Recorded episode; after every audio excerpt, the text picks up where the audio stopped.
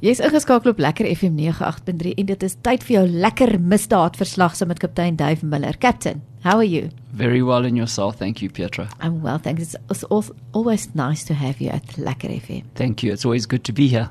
We're talking about smash and grab and theft out of motor vehicles. Yes. Today. Yes. So it's also a crime that's never going to leave us, unfortunately. Yeah. Um, yeah, true. And with the state of the economy going the way it is going and, and people being in more and more dire straits, um, a lot more people are becoming a lot more desperate. Yeah. You know? Yeah. Um, so, in terms of smash and grabs, um, as we've mentioned in the past as well, the majority of smash and grabs tend to happen in the same spot. Yeah. We don't really find it being a random occurrence with smash and grabs. Yes. And there's a few telltale signs to look for when you approach robot intersections and stop streets and things like that. Um, the suspects tend to like areas that are congested, so where there's lots of traffic. Yeah. Okay, um, where there is an escape route for them to be able to run away. So uh, a lot of the times they like the on and off ramps of the freeways. Okay. Um, and then, depending on what their modus operandi is, sometimes they will have a vehicle waiting for them on the opposite side of the freeway. Okay. So they yeah. will sort of like uh, commit the smash and grab on the off ramp, run across onto the other side of the freeway with a vehicle that is now um, going in the opposite direction. So it makes it difficult for you to chase them if you do. Yeah. Where there's open fields, where there's lots of bush.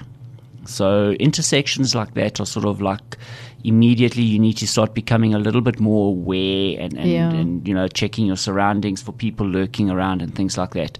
Then there's also what happens when your vehicle gets smashed the window it break it shatters into small little pieces Yeah. and and it's a difference uh, you will you will see what I'm talking about when you get to a robot intersection and you'll see maybe there's been a fender bender and someone's light has has broken it's it's a different Mm. kind of glass it's a different sort of uh, pattern that it shatters in Yeah. um, also you will see a lot of people have got uh, anti smash and grab films so you might even find there's a whole window Mm. which has been smashed with this uh, film that's lying on the on the thing there. So it's to look out for those kind of uh, telltale signs. Yeah. And obviously, late afternoon, early morning, you know, Yeah. um, tends to be the time when they are there.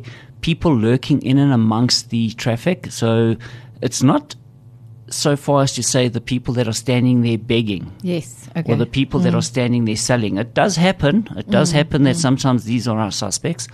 But what happens is because we have this tendency of people to stand at our robot intersections, we sort of take for granted that perhaps now maybe the guy is just looking for a job or he's begging for money and things like that. So it creates that opportunity for the suspects to be able to stand there unnoticed. yeah. Yeah. Yeah.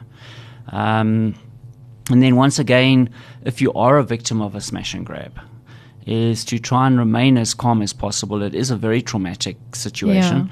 Um, first and foremost, obviously, we always say it: don't leave your valuable stuff lying around in the vehicle. Yeah. Yeah. Okay, and I mean nowadays with the technology that we have, your cell phone doesn't need to be on your lap. Of course. Yeah. yeah. Ninety-nine percent mm. of our vehicles nowadays have got Bluetooth connectivity. Yeah. Mm. Um, so I mean, your your phone can be in the boot. Yes. Yeah. Okay, so if you get a phone call or whatever the case is, you're able to connect it through your vehicle system. Mm. So you don't have to have your cell phone on you. If you need to make a call, your vehicle has the ability for you to be able to do that while it's connected to the to the car as well. So try and keep all your valuables out of sight, preferably in the boot. If it does happen to you that you are smashed and grabbed, try and get as much information about the suspect as possible, clothing description, and so forth. Yeah. Um, we've mentioned before on, on other segments that we've done. Um, what happens is these guys will, will break at point A, jump into a vehicle, drive off to point B, C, and D. So Okay. maybe at D, um, there's a suspect gets arrested there. Yeah. Okay. yeah. And through the clothing description and things like that, we might be able to link him back up to your case as well. Yeah, yeah. It's anyway not uh, legal to talk on your phone while driving.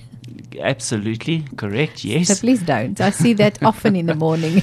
Well, talking is one thing, and then you get people that are texting. yes, I know. I saw that the other day. There was a guy next to us and he was just coming to our side. Yeah. Yeah. Yes. So, so yes, please don't don't do that. And uh, then also in terms of theft out of motor vehicles, um, especially at the shopping centres, um, we're coming up to the festive season. Lots of people are going to be starting to get maybe their early shopping going in um, before the increase in the prices of, of all the Christmas presents and things Yeah. like that. Um, try to be as vigilant as possible when you're at the shopping centres. If you do spot something that is suspicious, any any persons lurking around, please report them to the securities. Um, 99% of our uh, shopping complexes, the security have a very good working relationship with all our police Yeah. stations and the police members that are working in the area there, so that we can react to it. And you know, even if it is nothing, Yeah, rather yeah. just uh, be a little bit more cautious, and maybe you save somebody else from having a bad festive season. Thank you so much, Captain. Pleasure, Petra. safe. Thank you. You too. Bye-bye. Bye bye.